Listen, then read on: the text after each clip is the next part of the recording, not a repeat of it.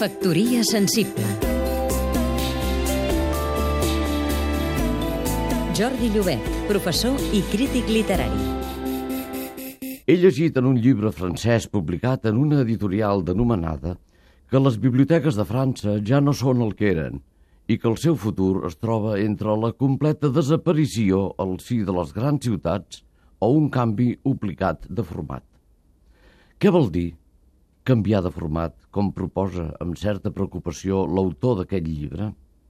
Doncs vol dir transformar les biblioteques públiques en centres d'esbarjo, espais on la gent gran vagi a buscar-hi eh, escalfor o a jugar a les cartes i llocs en què la gent jove no anirà precisament a buscar-hi novel·les de Dickens, Tolstoy o Flaubert, sinó DVDs o CDs de música moderna.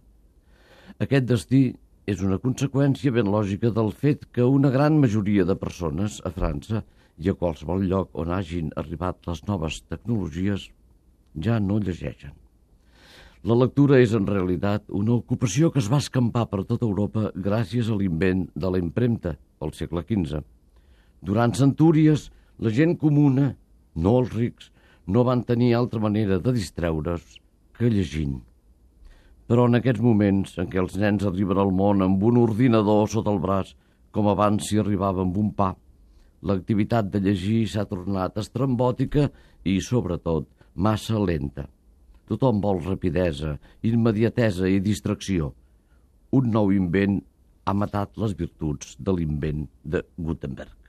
Si el sistema escolar del món sencer no posa fre a la dictadura de les noves tecnologies, l'analfabetisme general serà cosa assegurada. Factoria sensible Seguim-nos també a catradio.cat